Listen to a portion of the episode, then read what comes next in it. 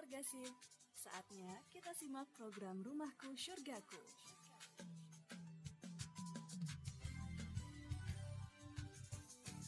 Rumahku Surgaku bersama Ustadz Ali Margosin, seorang praktisi keluarga bahagia. Sesaat lagi.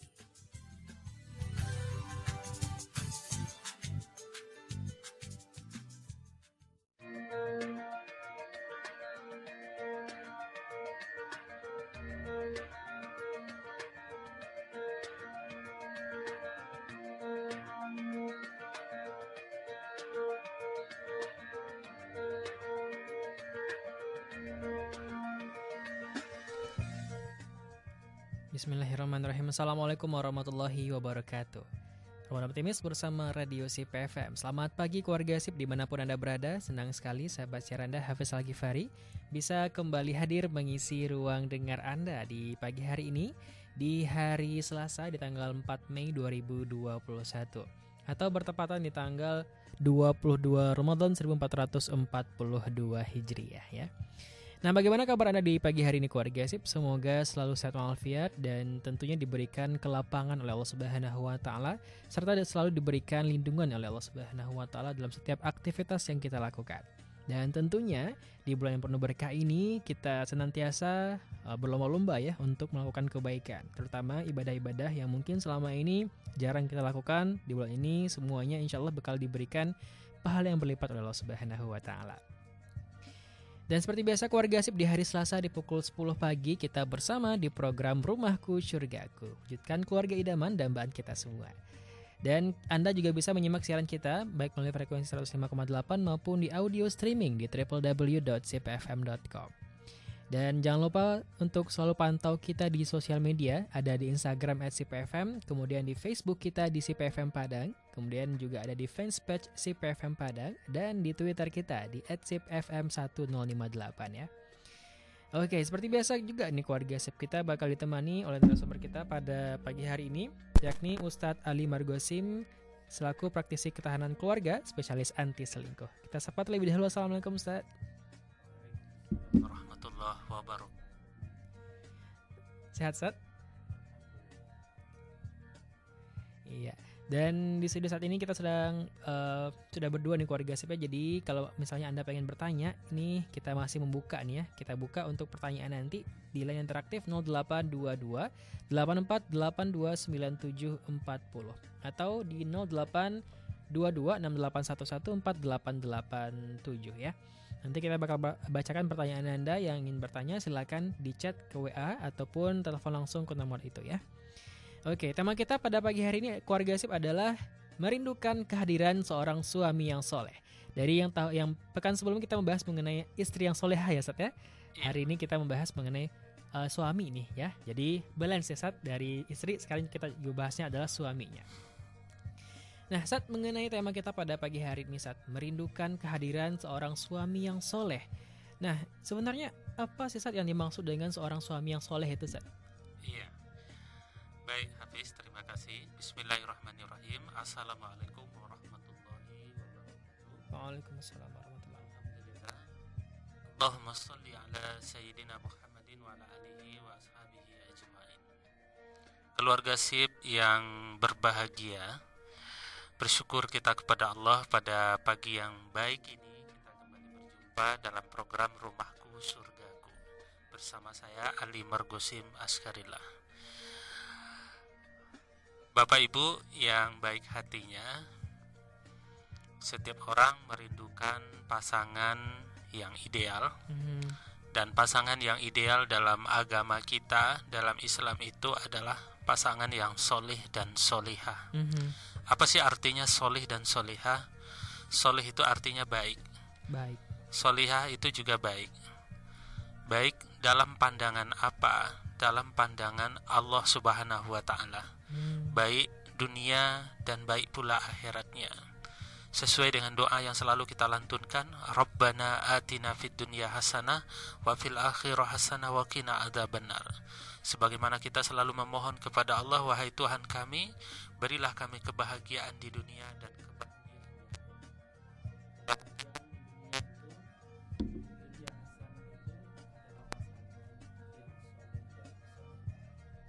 lewat pasangan yang solih dan soleh kita akan menemukan baiti jannati rumahku surgaku tanpa kehadiran pasangan yang solih dan soliha maka impian untuk mewujudkan rumah tangga yang sakinah mawaddah warahmah itu hanyalah uh, kamuflase belaka hmm. hanyalah sesuatu angan-angan aja ya Zat ya iya tidak tidak tidak ada realitanya tidak hmm. akan bisa kita wujudkan hmm. maka keluarga sip yang dirahmati oleh Allah Subhanahu wa taala penting dalam agama kita kita betul-betul selektif betul-betul hati-hati dalam memilih pasangan. Mm-hmm. Tidak boleh asal, tidak boleh gegabah, tidak boleh terburu-buru, yeah. tidak boleh karena faktor syahwat belaka. Mm-hmm. Tapi yang dikedepankan adalah memang faktor agama. Fazfarta bidzatid taribat siadaka. Pilihlah agamanya yang baik, yang bagus, maka engkau akan beruntung. Mm-hmm. Suatu ketika ada seorang ibu-ibu berjumpa dengan Rasulullah Shallallahu Alaihi Wasallam maka Rasulullah bertanya bagaimana kabarmu mm-hmm. maka Ummahat ini menjawab Alhamdulillah baik ya Rasulullah. Apakah engkau sudah menikah? Sudah ya Rasulullah. Bagaimanakah engkau memperlakukan pasanganmu? Aku memperlakukan dia semampuku ya Rasulullah. Mm-hmm. lalu Rasulullah Shallallahu Alaihi Wasallam mengatakan perlakukanlah dia dengan baik. Sungguh pasanganmu adalah surgamu atau malah nerakamu. Jadi hadirin sekalian yang dimuliakan oleh Allah Subhanahu wa taala, keluarga sip yang baik hatinya itu mengenai uh, keutamaan pasangan yang solih dan solihah. Mm-hmm. Sekarang suami yang solih itu seperti apa? Yeah, Suami yang baik, mm-hmm. baik akhlaknya, baik bahasanya, mm-hmm. baik perilakunya, tutur bahasanya, sopan santunnya, tata keramanya, baik pula ilmunya, baik pula kemampuannya dalam hal kemandirian, baik ilmu pengetahuannya, mm-hmm. baik pengamalan agamanya, ibadahnya, baik bacaan Qur'annya dan lain-lain mhm. sebagainya. Mm-hmm. Yeah. Lebih khusus lagi adalah wa'ashiruhun nabil ma'ruf.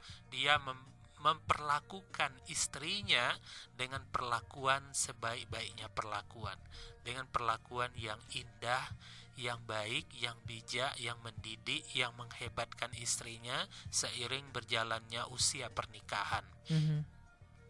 Yang dimaksud menghebatkan pasangan istri di sini adalah yang dulu dia mungkin belum berpenampilan yang sesuai syari, mm-hmm. setelah menikah penampilannya berubah menjadi penampilan yang sesuai syariat. Yang sebelumnya uh, amalan ibadahnya masih ya pas-pasan gitu ya iya. sekedarnya yeah. setelah menikah dia menjadi istri yang begitu taat dalam beribadah mm-hmm. yang sebelumnya mungkin uh, pergaulannya uh, kurang kurang bagus yeah. begitu mm-hmm. ya kan tidak begitu pandai mengontrol mm-hmm. dengan siapa bergaul Betul. tetapi setelah menikah dia berteman dengan para wanita-wanita yang solihah mm-hmm. gitu jadi kalau yang dulunya mungkin semangat dia dalam memperbaiki diri dalam belajar menuntut ilmu itu begitu rendah, namun setelah menikah semangat itu menjadi lebih baik, mm-hmm. jadi lebih menggebu-gebu.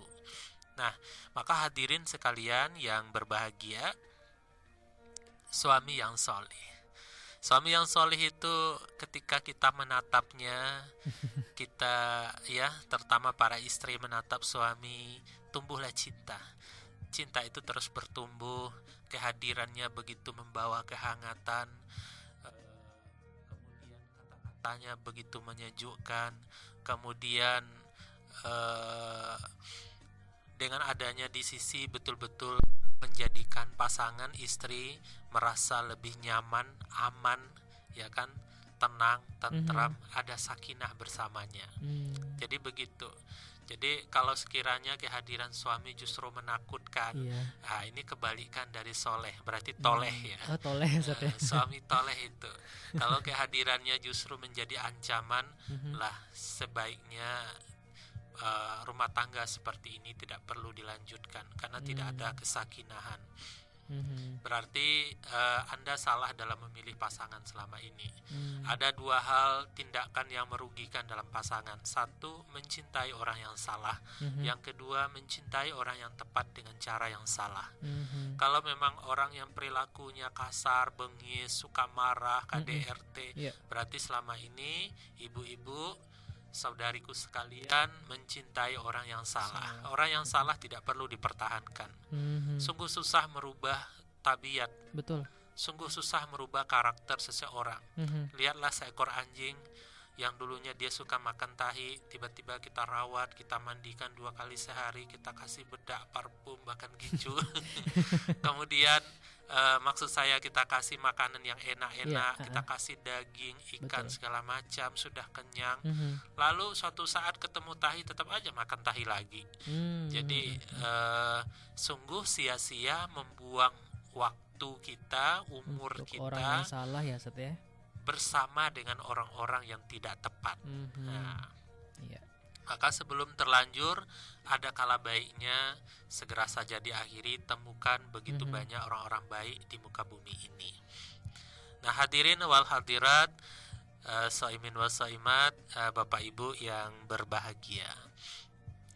Nah, selanjutnya Rasulullah Shallallahu Alaihi Wasallam sudah mengatakan di dalam hadis beliau 14 sahabat yang lalu beliau mm -hmm. mengatakan Qala Nabi sallallahu alaihi wasallam akmalul mu'minina imanuhum ahsanuhum khuluqa wa khiyaruhum khiyarukum walinisaihim.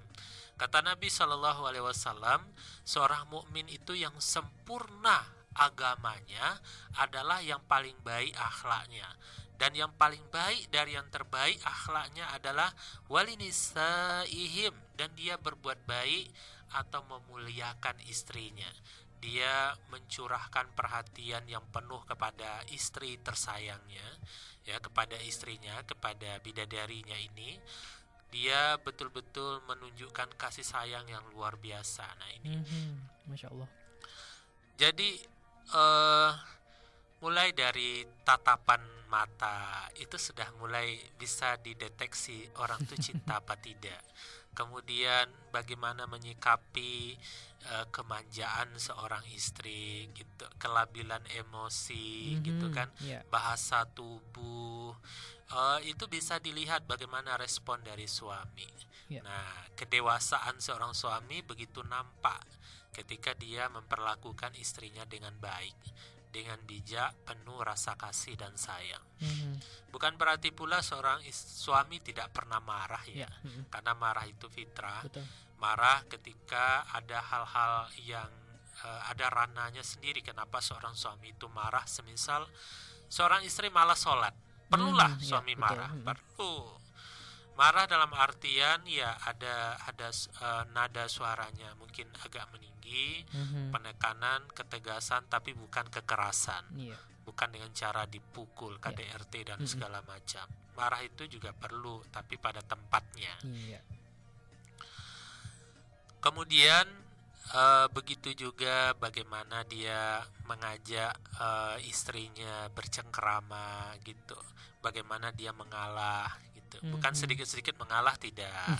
tapi ketika seorang istri lagi menggebu-gebu mencurahkan hmm, apa namanya iya. uh, emosinya hmm, maka seorang suami yang bijak biasanya akan uh, merespon dengan teduh iya. gitu hmm, ya kan dengan teduh bukan pula dengan ikut-ikutan cara yang gitu. sama marah-marah gitu ya kan hmm. ketika datang uh, api ya kan nah, disiram dengan air maka apinya mati kehidupan yeah. Uh, rumah tangga lebih lebih adem mm -hmm. lagi lebih sejuk lagi mm -hmm. gitu yeah. gitu Fis kira-kira iya itu dulu keluarga sip ya perbincangan kita di segmen pertama ini mengenai uh, kriteria dari seorang suami yang soleh itu ya nanti kita bakal balik lagi dengan kriteria-kriteria berikutnya namun setelah ini kita bakal kembali tetap bersama kami di rumahku surgaku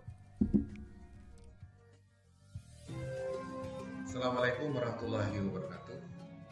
Alhamdulillah bulan suci Ramadan kembali hadir di tengah-tengah kita. Artinya peluang untuk memaksimalkan kebaikan dan amal saleh ada di depan mata. Maka mari kita manfaatkan kesempatan ini untuk meningkatkan ketakwaan kita kepada Allah Subhanahu wa taala dan menebar kebaikan kepada sesama. Siapkan diri, jiwa, pikiran dan harta kita untuk optimalisasi ibadah kita. Saya Mahyadi Ansarullah, Ketua DPW PKS Sumatera Barat, mengucapkan selamat menyambut bulan suci Ramadan 1442 Hijriah. Semoga kita diberikan kekuatan untuk meraih ketakwaan. Assalamualaikum warahmatullahi wabarakatuh.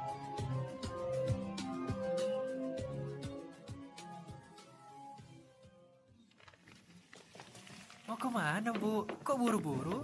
Ibu mengantar Kia ke sekolah, Pak. Abis itu mau ke pasar. Eh, tapi biar nggak bolak-balik, Ibu ke kantor Las Risalah Charity dulu deh, mau bayar zakat.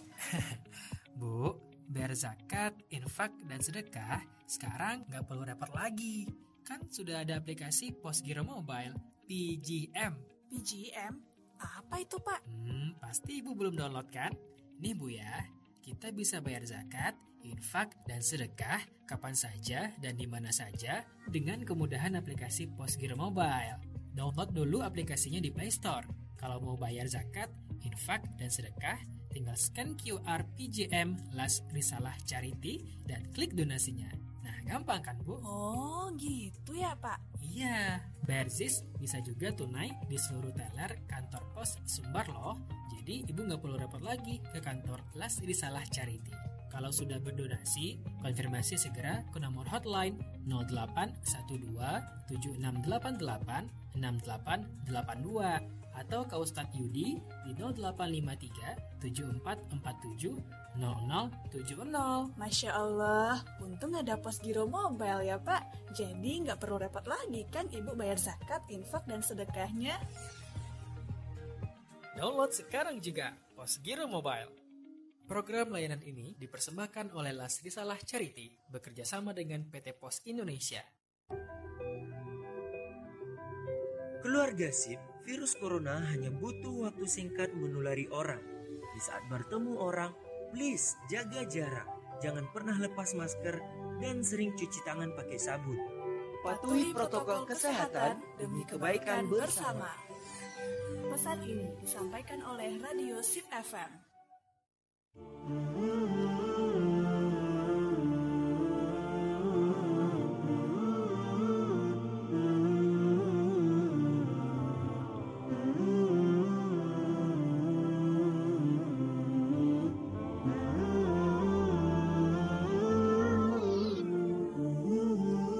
Sebegitu pentingnya ibadah puasa, sehingga Allah Subhanahu wa Ta'ala mengatakan akan langsung memberikan pahala kepada yang melakukannya dan memberikan pahala-pahala ibadah dengan berlipat ganda. Seperti yang disampaikan Abu Hurairah radhiyallahu anhu, Allah Subhanahu wa Ta'ala berfirman, puasa itu ibarat perisai pada hari berpuasa, janganlah orang yang berpuasa mengucapkan kata-kata yang kotor, tidak sopan, dan tidak enak didengar. Dan jangan pula ribut dengan hingar-bingar bertengkar. Jika di antara kalian memaki atau mengajak berkelahi, hendaknya mengatakan kepadanya, "Saya sedang berpuasa." Rasulullah Shallallahu Alaihi Wasallam menambahkan, demi Allah yang didiriku di dalam kekuasaannya. Sesungguhnya bau mulut orang berpuasa lebih wangi di sisi Allah dari wangi bau minyak kasturi. Dia yang telah meninggalkan makan dan minumnya hanya mengharapkan keriduanku. Sesungguhnya puasa itu untukku, dan karena itu akulah yang langsung membalasnya dengan ganjaran untuk kebaikan yang telah dilakukannya sepuluh kali lipat.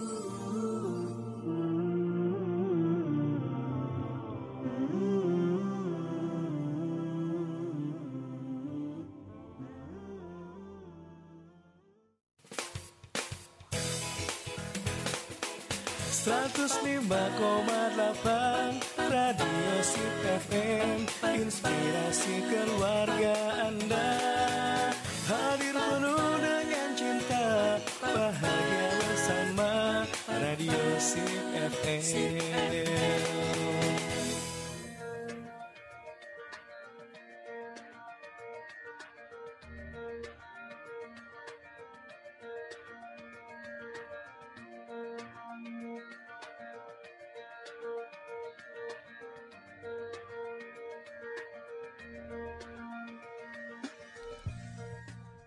Optimis bersama Radio CPFM Masih bersama kami keluarga SIP di Rumahku Surgaku Wujudkan keluarga idaman dambaan kita semua.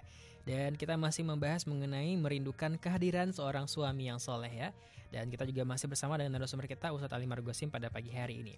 Kita juga masih menantikan atensi Anda keluarga SIP untuk bergabung pada pagi hari ini Di line interaktif 0822 6811 4887 Sekali lagi bagi Anda yang mau bergabung pada pagi hari ini, kita buka di line interaktif 0822 68114887. Silakan kirimkan pertanyaan Anda melalui WhatsApp ke nomor tersebut atau boleh juga telepon langsung ya.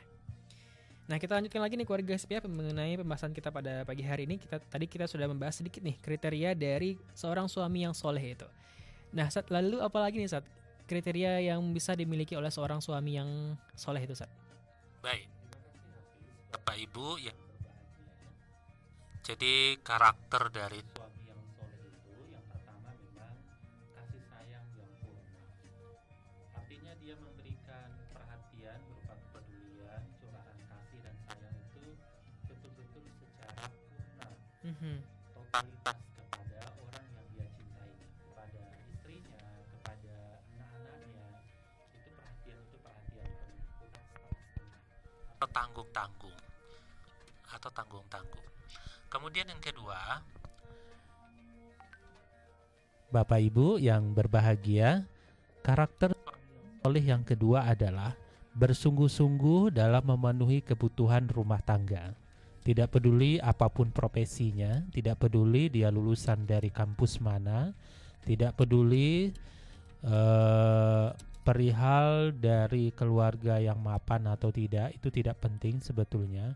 Yang paling dilihat di sini adalah seberapa keseriusannya, kesungguh-sungguhannya dalam mencukupi kebutuhan rumah tangga.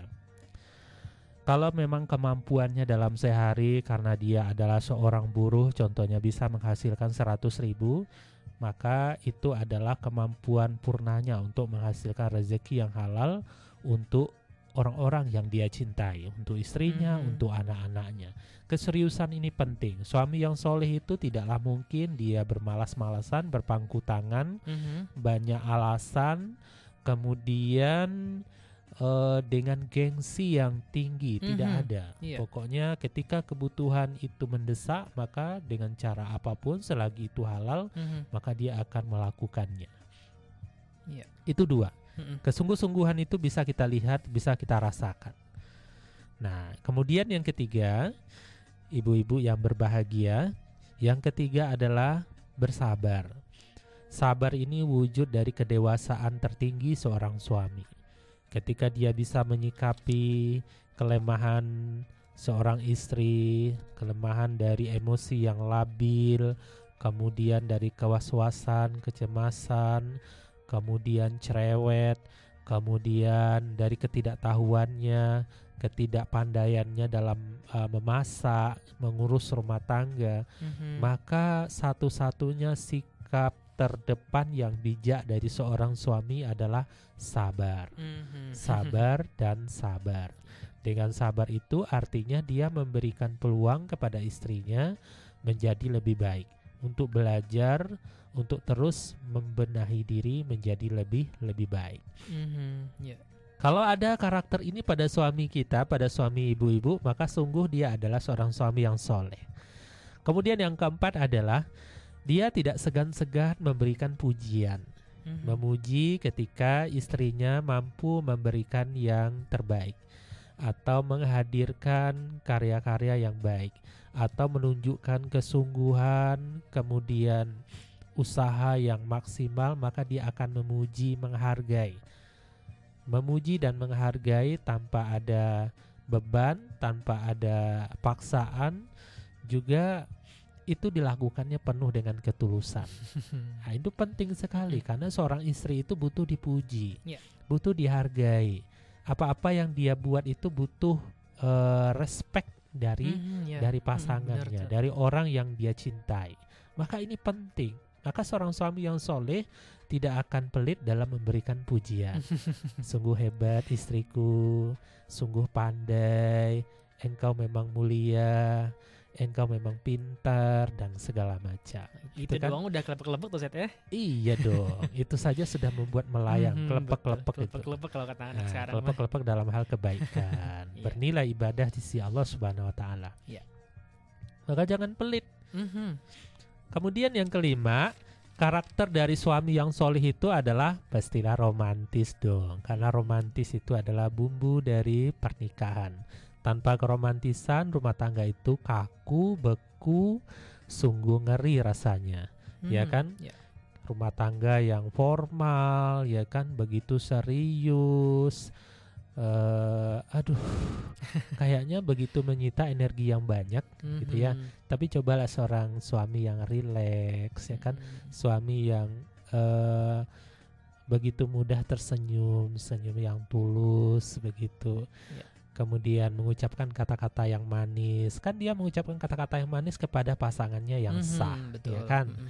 Ah, maka ini adalah hiburan terbaik bagi seorang istri ketika seorang suami bisa berkata, berucap yang indah, yang manis, yang menyenangkan bagi istrinya. Mhm. Nah, jadi Bapak Ibu yang baik hatinya, maka rawatlah lima hal ini terutama bagi para suami yang soleh.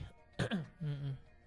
Sekarang pertanyaannya, bagaimana nih menghadirkan Nah, suami dia. yang soleh Mhm. ini dalam rumah? Mhm. Karena persoalannya suami saya masih sering marah-marah, Iya. temperamen, yaitu kan egonya tinggi gitu. Mhm. Orangnya merasa yang paling berkuasa, sok pintar dan Mhm, segala iya, macam. ah. Kami masih sering ribut. Nah, gimana nih menghadirkan? Mana masa masa saya harus ganti suami gitu. Sementara saya sudah kadung cinta sama dia. Hmm, Nah, maka hadirin yang dirahmati oleh Allah Subhanahu wa taala, Mhm. Nah inilah uh, poin-poin penting kedua yang ingin saya sampaikan. Bagaimana menghadirkan sosok yang soleh ini di dalam rumah tangga kita. Ya.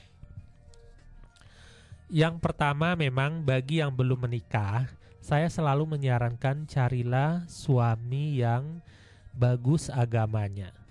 Tidak ada rumus lain dari itu. Mhm. Karena satu-satunya motivasi, satu-satunya menggerakkan orang selalu berbuat baik, selalu pada real kebaikan, ketaatan, kepatuhan kepada Allah itu adalah agama. Mhm. Ya kan? Pengetahuannya dalam hal agama, kedalamannya dalam memahami eh, syariat Allah, Mhm. maka sungguh itulah modal utama bagi seorang laki-laki menjadi baik. Karena dari itu akan tumbuh iman. Iman yang kokoh dan teguh dalam dirinya. Mhm. Dengan iman itu dia bisa sabar, dengan iman itu dia akan berupaya maksimal membahagiakan istrinya. Mhm. Dengan iman itu dia akan berupaya belajar menjadi suami yang baik. Ya. Suami yang bertumbuh dari waktu ke waktu. Mhm. Iman. Nah, maka uh, Bapak Ibu sekalian yang dirahmati oleh Allah Subhanahu wa taala. Jadi cara menghadirkan itu yang pertama bagi yang masih jomblo nih ya. Uh, jomblowati fisabilillah. Iya. Maka uh, carilah pasangan yang yang bagus agamanya. Mhm. Bagaimana kita bisa melihat bahwa agamanya bagus? Satu, lihatlah bagaimana pengamalan agamanya. Rutinitas dia sholat ke masjid, terutama sholat fardu bagi laki-laki. Perhatikan itu. Kita Mhm. butuh yang namanya riset, butuh survei, butuh pengamatan yang panjang. Ya. Kalau tidak, maka serahkan ke murabi, ke guru. Hmm. Karena dia yang tahu Mhm. bagaimana perkembangan dari eh, seorang laki-laki ini kelayakan itu sampai di mana dialah yang tahu itu kemudian yang kedua adalah mungkin bisa dilihat dari pendidikannya dia lulusan sekolah mana. Walaupun ini tidak menjadi jaminan juga, Mhm. tapi ini setidaknya modal lah, modal aman. Ya. Kemudian yang ketiga, bagaimana uh, pergaulannya, dengan siapa dia bergaul, dengan siapa dia sehari-hari menghabiskan waktunya. Apakah dengan teman yang baik, temannya bagaimana penampilannya, bagaimana keseharian dari teman itu, lihat sosial medianya, butuh survei, Hmm. ya butuh waktu yang panjang. Mm-mm. Tidak bisa, wah saya suka, tembak dong. Waduh. Gak bisa gitu ya Lamar. Ustaz ya. ya atau saya suka kamu Aduh. atau lamar saya dong nggak bisa seperti itu ya kan jangan percaya dengan pandangan pertama pandangan pertama itu eh, memang eh, itu rahmat ya Ya. pandangan pertama karena kalau sudah pandangan kedua itu jadi laknat Mhm. artinya jangan eh, jangan mudah percaya lah jangan mudah percaya dengan apa yang yang lihat terlihat secara kasat mata Ya. tapi berikanlah waktu yang cukup Mhm. untuk melihat untuk memperhatikan mengamati dengan siapa kita akan membangun sebuah bahtera rumah tangga Hmm. Kenapa demikian kok susah banget? Ya iyalah, ini hubungan tidak hanya sampai di dunia, tapi Iya. juga sampai ke akhirat. Mhm. Kebahagiaan kita di dunia, surgakah atau menjadi neraka bagi kita? Kehadiran dia itu Iya, surga heeh. atau neraka? Mhm. Ya itu berawal dari Observasi ketika kita, kita, ya, Ustaz, ya. memilih, Mm-mm. ketika kita memilih. Kelak di akhirat pun kita akan masuk surga atau masuk neraka juga berpengaruh juga pada Hmm, dia. iya, iya, iya. Kalau dia seorang suami yang soleh, insya Allah dia masuk surga, istri pasti masuk surga, Mhm. gitu kan? Iya. Istri pasti pasti masuk surga. Mhm. Begitu mudah seorang istri untuk masuk surga.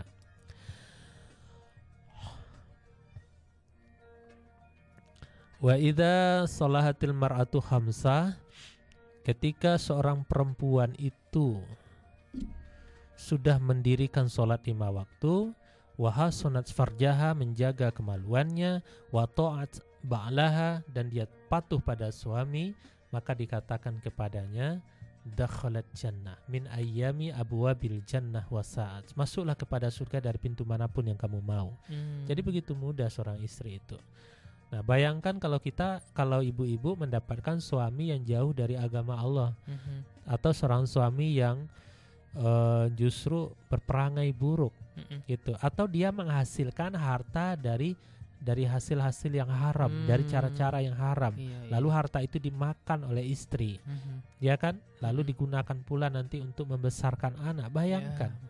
Min zalik. bayangkan tapi coba bayangkan dengan bersama suami yang soleh sekalipun katakanlah sepahit-pahitnya hidup Mhm. kehidupan begitu susah hanya bisa makan mungkin eh, dua kali sehari dengan nasi putih dengan terong rebus dengan cabe yang diulek gitu tapi bersama dia tetap terasa indah ya kan karena perlakuannya karena Hmm. tutur katanya yang baik ya kan begitu memuliakan istrinya hidup itu Mhm. terasa begitu sesurga Mhm. iya nggak ada yang dipengenkan lagi cukup dia doang ya Ustaz ya Iya. Kalau udah kayak gitu mah Nah, kemudian Bapak Ibu yang berbahagia, bagi Bapak Ibu, bagi ibu-ibu yang sudah menikah nih sudah ada pasangannya. ya. Nah, yang sudah ada itu dibina saja, jangan dibinasakan. ya kan disyukuri. Kita bersyukur, kita ridho kepada Allah. Ya Allah, saya ridho dengan apa yang telah Engkau berikan. Yang bisa jadi ini adalah betul-betul takdir darimu atau memang cara-cara saya yang dari awal itu tidak benar, tidak tepat dalam mencari pasangan. Ya kan, tidak tepat. Jadi wanita yang baik itu untuk laki-laki yang baik. Iya. Laki-laki yang baik itu untuk wanita yang baik. Nah, karena mungkin sebelum menikah kita belum baik gitu. Hmm, Iya mhm, kan? mhm. Belum kenal Allah, masih Iya. jauh dari dari agama Allah gitu. Mhm. Nah, setelah menikah dapat hidayah. Sementara suami belum dapat hidayah. Iya. Sama-sama jeleknya. Iya kan sama-sama tidak kenal Allah sebelumnya. Setelah Hmm. menikah salah satu dapat hidayah merasakan oh penting ya suami yang soleh. Penting ya Hmm. istri yang soleh. So, istri yang soleha. Nah, maka hadirin sekalian yang dirahmati oleh Allah Subhanahu wa taala, maka bersyukur dan ridho itu. Hmm. Ya Allah, saya ridho dengan suami saya yang seperti ini. Ya Allah, mungkin secara fisik ya pas-pasan Mhm, gitu ya. mhm. Eh, tapi ini tidak begitu penting sebetulnya, Mm-mm. karena setelah menikah, sejelek apa pun suami ya tetap saja sayang, Mm-mm. karena memang eh, eh, apa cinta itu telah bersemi jauh di lubuk hati yang paling dalam. Hmm. Itu yang kedua adalah ajak pasangan kita, mari bebek, ya kan, ayang bebek, suamiku tercinta, kekasihku, kita berbenah menjadi lebih baik. Yuk hijrah, nah, gitu. Hmm. Ajak dia hijrah, berkomunikasilah yang baik dengan cara-cara yang lembut. Mhm. Ya kan, tidak bisa dengan cara yang lembut. Sudah saya coba pak. Iya, cobalah gunakan the power of air mata. Menangislah dengan dengan tangisan uh, dengan air mata yang kira-kira akan membuat hati seorang suami itu meleleh gitu ya. Hmm. Ibu yang menangis tapi tapi yang meleleh itu justru hatinya seorang suami Hmm. gitu. Itu senjata perempuan. senjata perempuan itu air mata gitu. Iya Maka ya. gunakanlah itu. Mhm. Karena alasan kita mengajak dia adalah untuk kebaikan, maka insya Allah Allah akan menolong. Mhm. Allah akan memudahkan. Ajak dia hijrah. Ayo abang, kita sudah saatnya untuk mendekat Hmm, kembali iya. ke jalan yang lurus, Mhm. ya kan, ke jalan Allah. Kita akan menjadi seorang pasangan yang sakinah, ya, pasangan yang sakinah, mawaddah warahmah. Kita akan menjadi ayah, ibu, Mhm. yang betul-betul layak disebut sebagai seorang ayah dan seorang ibu. Mhm. gitu. Ya. Untuk bisa seperti itu kita harus memulai dari hal-hal yang kecil Ya. dari sekarang kita mulai dari diri kita Mhm. belajar sholat bacaan Qur'annya eh, banyak mendengarkan taklim-taklim gitu ya Mhm. pengajian-pengajian membaca buku mengamalkan sholat-sholat terutama sholat fardu bagi laki-laki di masjid kemudian habis maghrib baca Quran habis subuh baca Quran puasa sunnah dan lain sebagainya itu ikhtiar dalam memperbaiki diri Iya. Mhm. itu perlu dilakukan Mhm. dengan terus memohon eh, memohon petunjuk memohon doa kepada memohon kepada Allah Subhanahu wa taala. Itu bisa jadi ladang jihad yang paling besar buat seorang istri ya, Sat ya? Oh iya, itu Hmm, luar biasa betul. sekali. Mm-mm. Begitu banyak ya para suami-suami yang dulunya adalah para eh, para penjahat kelas tri, kelas Kalau kata orang bilang kakap, cingkah puter- orang itu Sat ya. iya preman, Iya. tidak jelas ya lontang lantung iya, sana mm-mm. sini, sukanya ya ngambil hak orang, tidak jelas apa yang dia makan, tapi bertemu seorang istri yang solihah Mhm. dan seorang istri ini begitu pandai memanfaatkan kekuatannya Mhm. kata-kata yang baik ya kan eh, sikap yang bijak terakhir itu adalah kema- the power of air mata The power itu of air mata. iya itu sangat sangat eh, banyak merubah seorang seorang lelaki menjadi lebih baik Hmm. kemudian yang ketiga yang ketiga ya yang ketiga, adalah seorang istri selalu berupaya eh, memberikan pelayanan terbaik Hmm. Karena dengan demikian ini bagian dari uswah, kuduah, contoh. Maka dengan pelayanan terbaik, jadi begini eh, sudah menjadi kesepakatan banyak orang bahwa satu perbuatan itu mewakili beribu-ribu kata. Mhm. Iya, tidak perlu banyak omong, tapi lakukanlah yang terbaik. Dengan dari demikian, maka dia bisa melihat ternyata istriku betul-betul bersungguh-sungguh Mhm. dalam menjadi seorang istri yang baik. Dia begitu memuliakan saya, dia begitu mencintai saya, dia begitu me- menyayangi saya. Hmm. Maka lewat itu dia akan berpikir dan mudah-mudahan segera mendapat hidayah. Hmm, Ya. Memang perjuangan seorang istri itu memang diperlukan juga saat ya dalam pernikahan ini. Iya, sangat Apalagi- diperlukan. Hmm, apalagi kalau suaminya memang belum mendapatkan hidayah seperti yang Iya. saya bilang tadi. belum mendapat hidayah. Nah, jadi ibu-ibu ini penting. Jadi kalau kita lihat dalam kehidupan eh, saat ini banyak ibu-ibu itu terlena, Mhm. terlena eh, dengan apa yang dilakukan oleh suaminya. Ketika suaminya memberi mem- tiba-tiba membawa uang yang banyak, Mhm. dia begitu happy, begitu bahagia, tapi tak pernah bertanya, "Ini uang dari mana?" Hmm. Kemudian ketika suami naik jabatan, jabatannya dari rendah langsung melesat jauh ke atas, dia pun begitu bangga ya kan dia begitu pamer sana sini tapi dia lupa bagaimana cara suami saya bisa naik ke level itu apakah ada relevansinya dengan kinerjanya dengan kemampuannya jarang para istri seperti itu Iya, iya. inilah problem yang lu- yang sangat sangat ditakutkan sebetulnya hmm, hmm, hmm. Seorang istri yang baik itu dia mesti bertanya, wahai suamiku yang yang ku sayangi, yang ku cintai, imamku, ini dapat dari mana? Berilah aku yang halal, yang baik, walaupun sedikit aku ridho. Itulah bukti dari cinta seorang istri. Ya. Itu cinta seorang istri. Mhm. Karena seorang istri yang seperti itu artinya dia menginginkan hubungannya dengan suami itu langgeng sampai ke jannahnya Allah Subhanahu wa taala. Iya. Jangan sampai hanya bahagia di dunia, Mhm. tapi nanti di akhirat yang satu ke surga, yang satu ke neraka atau jangan-jangan keduanya ke neraka Kedua-duanya, karena sama-sama makan yang haram contohnya Mhm, begitu. mhm, mhm. Kasihan. Iya. Ya. Jadi eh ini eh, peran penting dari seorang istri yang solihah. Iya. Mungkin itu. Iya, itu dia keluarga siapa eh, mengenai eh, cara agar seorang suami itu pentingnya kita mendapatkan seorang suami yang soleh ya. Nanti kita bakal balik lagi keluarga sip di segmen terakhir di program Rumahku Surgaku. Tetap bersama kami. 5,8 Radio Sip FM Bismillahirrahmanirrahim Assalamualaikum warahmatullahi wabarakatuh. Telah datang kepada kita bulan yang penuh rahmat dan penuh berkah.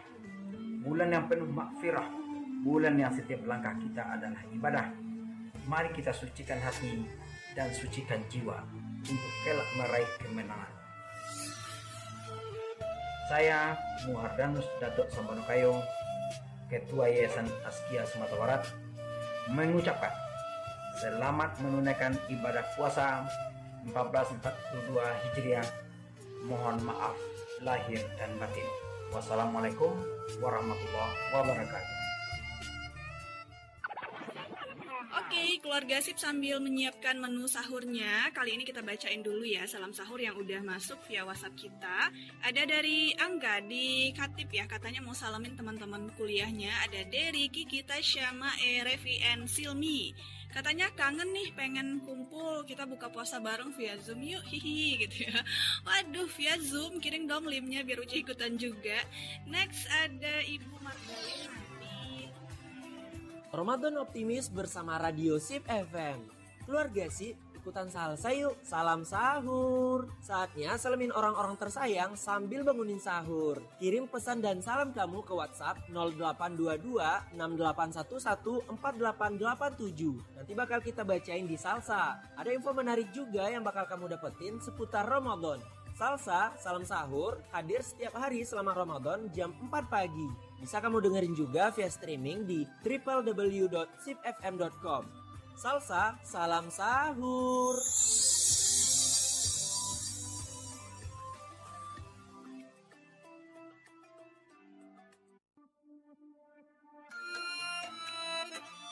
Assalamualaikum warahmatullahi wabarakatuh. Bulan Ramadan datang lagi. Bulan mulia hadir kembali. Saya Haji Kamrizal Syafri Adam LCMA, Direktur Lembaga Amal Zakat Ar-Risalah Charity, mengucapkan selamat menunaikan ibadah puasa. Ayo kita raih keberkahan Ramadan dengan maksimal ibadah, dengan berbagi, dengan peduli. Ayo kita keluarkan zakat, infak, sedekah, dan donasi lainnya di bulan yang penuh berkah ini. Semoga Ramadan kali ini lebih bermakna. Semoga Ramadan kali ini berbuah takwa. Assalamualaikum warahmatullahi wabarakatuh. عام الخير أهل علينا Salah satu karunia Allah Subhanahu wa Ta'ala yang sering diabaikan atau dilalaikan oleh manusia adalah nikmat kesehatan.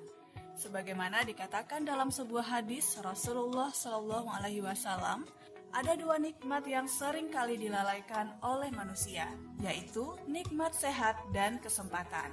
Padahal, kesehatan merupakan mahkota yang tidak dapat dirasakan kecuali bagi mereka yang sakit. Keluarga Sip, tahukah Anda bahwa baginda Rasulullah Shallallahu Alaihi Wasallam seumur hidupnya hanya mengalami dua kali sakit? Sudah semestinya kita meneladani bagaimana pola hidup sehat yang dilakukan oleh Nabi Muhammad Shallallahu Alaihi Wasallam. Mari simak program Sehat ala Nabi bersama Ustadz Tris Supriyadi, pimpinan Rumah Sehat Herba Wahida, seorang praktisi dan terapis tibu nabawi. Manfaatkan layanan interaktif kami untuk berkonsultasi pengobatan tibu nabawi. Sehat ala Nabi bisa Anda dengarkan setiap Kamis jam 16.30 hanya di Radio Sip FM.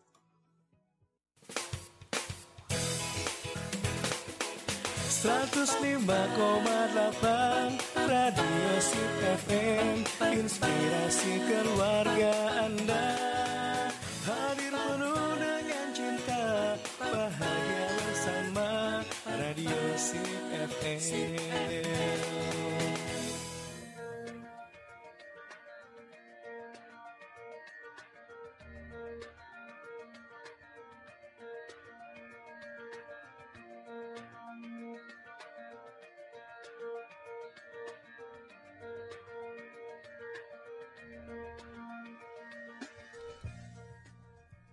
Optimis bersama Radio Sip FM dan kita masih di program Rumahku Surgaku wujudkan keluarga idaman dan dambaan kita semua.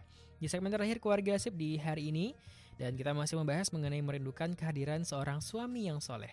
Tadi kita sudah membahas mengenai cara untuk menghadirkan seorang suami yang soleh itu di tengah kehidupan kita. Tadi juga sudah kita bahas bagi yang belum menikah dan juga yang sudah menikah bagaimana tata caranya ya. Nah, Sat, ini mungkin pertanyaan terakhir nih, Sat. Kalau misalnya dua-duanya udah soleh nih Sat, udah saling soleh dan juga solehah. Nah, namun ternyata ini beda tempat ngaji ini Sat. Nah ini bagaimana nih uh, nanti di ke depannya Sat? Iya, uh, Hafiz yang baik, terima kasih. Bapak Ibu yang baik hatinya. Jadi kalau kedua-duanya sudah dianggap soleh ya, mm -hmm. dan ini adalah satu anugerah yang besar yang perlu mm -hmm. untuk disyukuri. Yeah cuma perihal mungkin uh, uh, mengenai tempat ngaji gitu ya yeah.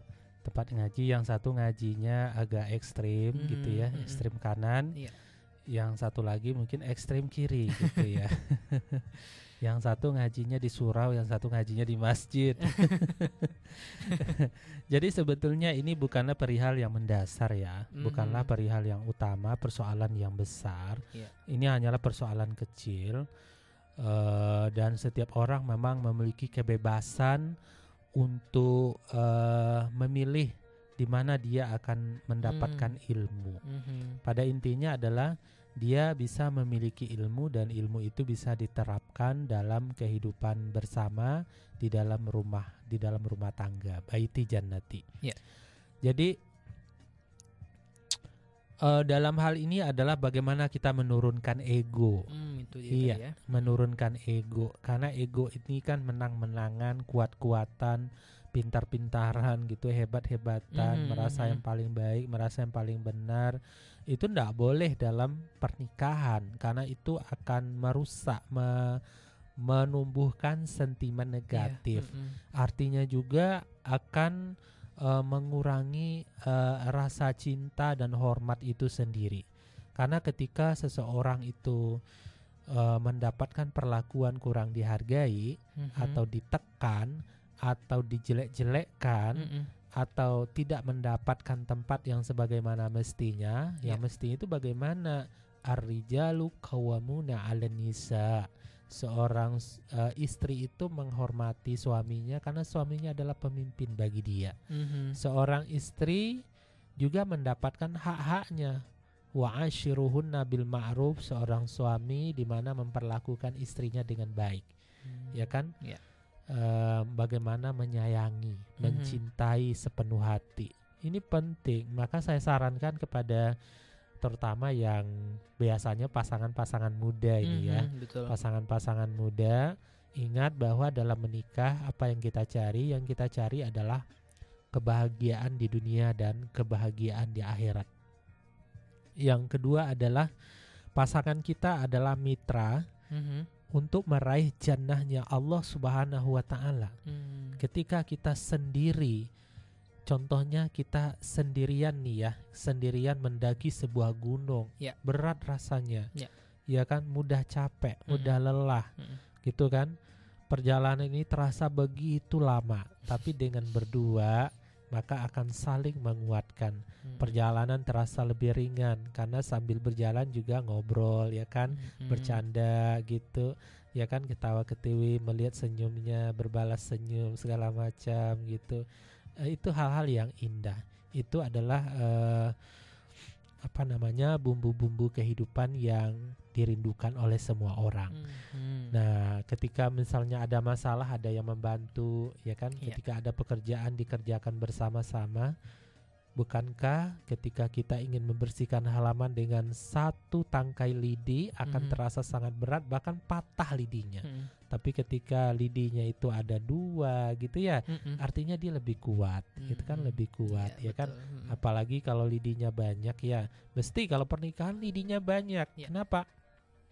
Karena menikah itu sesungguhnya adalah menyatukan dua keluarga besar. Mhm. Keluarga dari pihak istri dan keluarga dari pihak suami. Betul. Satu tambah satu hasilnya 100. Banyak ya Zat, 50 dari pihak suami, 50 dari Wow, pihak istri. Luar biasa. Ini Hmm. jamaah. Kalau sholat sendiri mungkin pahalanya dapat satu saja, tapi kalau dengan berjamaah 27 kali lebih baik. Mhm. Artinya 27 derajat eh, apa fadilahnya itu lebih lebih utama dibandingkan ketika sendiri. Mhm. Nah, hidup menyendiri dengan hidup berdua juga sama. Ketika sendiri amal-amal kita itu nilainya baru setengah, Mhm. tapi dengan berdua nilai kita jadi sempurna. Hmm. Luar biasa. Jadi hindarilah ego itu. Iya. Jangan merasa paling pintar. Mhm. Boleh menuntut ilmu dari dari halakoh mana pun itu boleh. Tak yang tidak boleh adalah ketika ada ilmu yang sekiranya at- yang kita dapatkan dari guru kita justru merusak hubungan Hmm. hubungan suami istri. eh, pernikahan. Mhm. Cinta dan kasih sayang menjadi retak. Mhm. Gara-gara ngaji di sini, ngaji di sini, Hmm. akhirnya merasa paling benar Mhm, itu mhm. suami saya berarti salah itu istri saya aduh istri saya ini menuju jalan ke neraka gitu dan segala macam itu tidak boleh Ya. tidak boleh Iya, itu. iya, iya. Kita menuntut ilmu itu agar kita bertumbuh Mhm. menjadi lebih baik menjadi lebih dewasa menjadi lebih soleh kalau sekiranya justru membuat kita menjadi pecah menjadi renggang Iya. justru menimbulkan konflik berhenti aja ngaji di sana Iya. berarti di sana nggak tepat Hmm, cari yang lain. dia ya. Iya. Hmm. Iya. Itu dia keluarga sip ya mengenai perbincangan kita pada pagi hari ini ya. Jadi kalau misalnya sudah saling, saling sudah sama-sama saling soleh nih, uh, turunkan egonya masing-masing ya. Nah, oke keluarga sip kita sudah masuk di segmen terakhir dan juga sudah hampir 60 menit kita menemani ruang dengar Anda pada pagi hari ini. Mungkin sebelum kita tutup kita mintakan sedikit uh, closing statement dari Ustaz, Ustaz Ali untuk pagi hari ini. Iya, saya tutup dengan sebuah cerita saja. Nah, ini. Jadi ada nih, Ustaz. aga, ada dari kalangan tabiin ya generasi tabiin seorang laki-laki eh, dengan tampang yang tidak bagus, Mhm. tidak menawan, tidak cakep, juga dari berasal dari keluarga yang prasejahtera, Hmm, ya kan dia tidak punya apa-apa, tapi dia itu soleh, hmm, ya. ya agamanya sangat bagus. Karena kebagusan agamanya ini juga nampak eh, lewat kesehariannya, akhlaknya gitu. Begitu indah, begitu menawan. Walaupun kulitnya hitam tapi senyumnya manis sekali Aduh. gitu ya kan.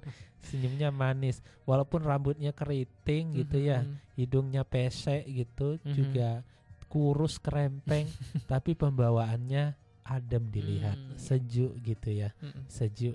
Nah, inilah yang membuat salah seorang wanita tercantik ketika itu Tercantik menolak dengan yang puluhan pinangan Hmm, dari hmm, orang-orang hmm. yang gagah, yang tampan, yang kaya, Iya, iya, bahkan iya. ada juga yang uh, agak bagus agamanya, tapi tidak sebagus laki-laki yang ini. Wah. Akhirnya mereka menikah.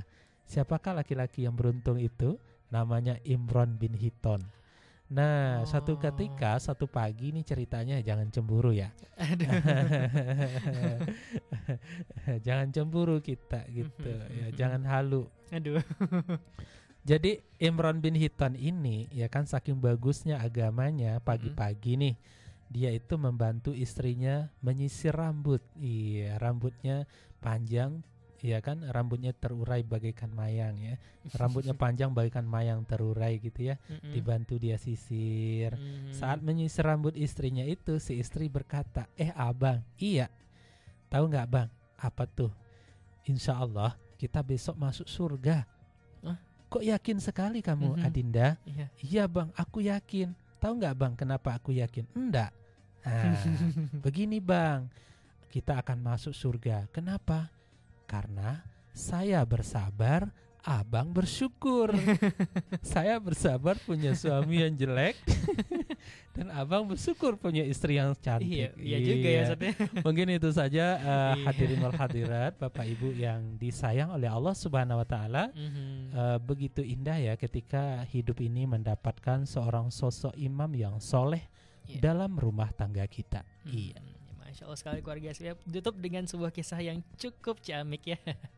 Dan kita cukupkan untuk uh, pekan di hari ini dari Selasa ini kita cukupkan untuk uh, pertemuan kita pada pagi hari ini. Kita ucapkan terima kasih banyak pada Ustaz Ali sudah mau ber uh, berbagi cerita pada pagi hari ini.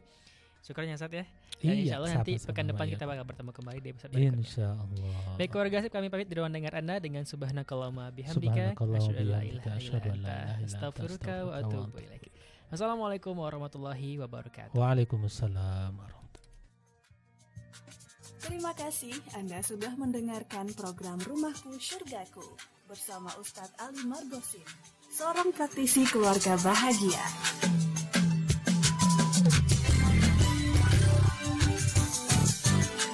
Rumahku Surgaku kerjasama Radio Sip FM dan UPZ Yayasan Alumni Fakultas Kedokteran Universitas Andalas. Dengarkan Rumahku Surgaku Selasa pekan depan di jam 10 pagi hanya di Radio Sip FM.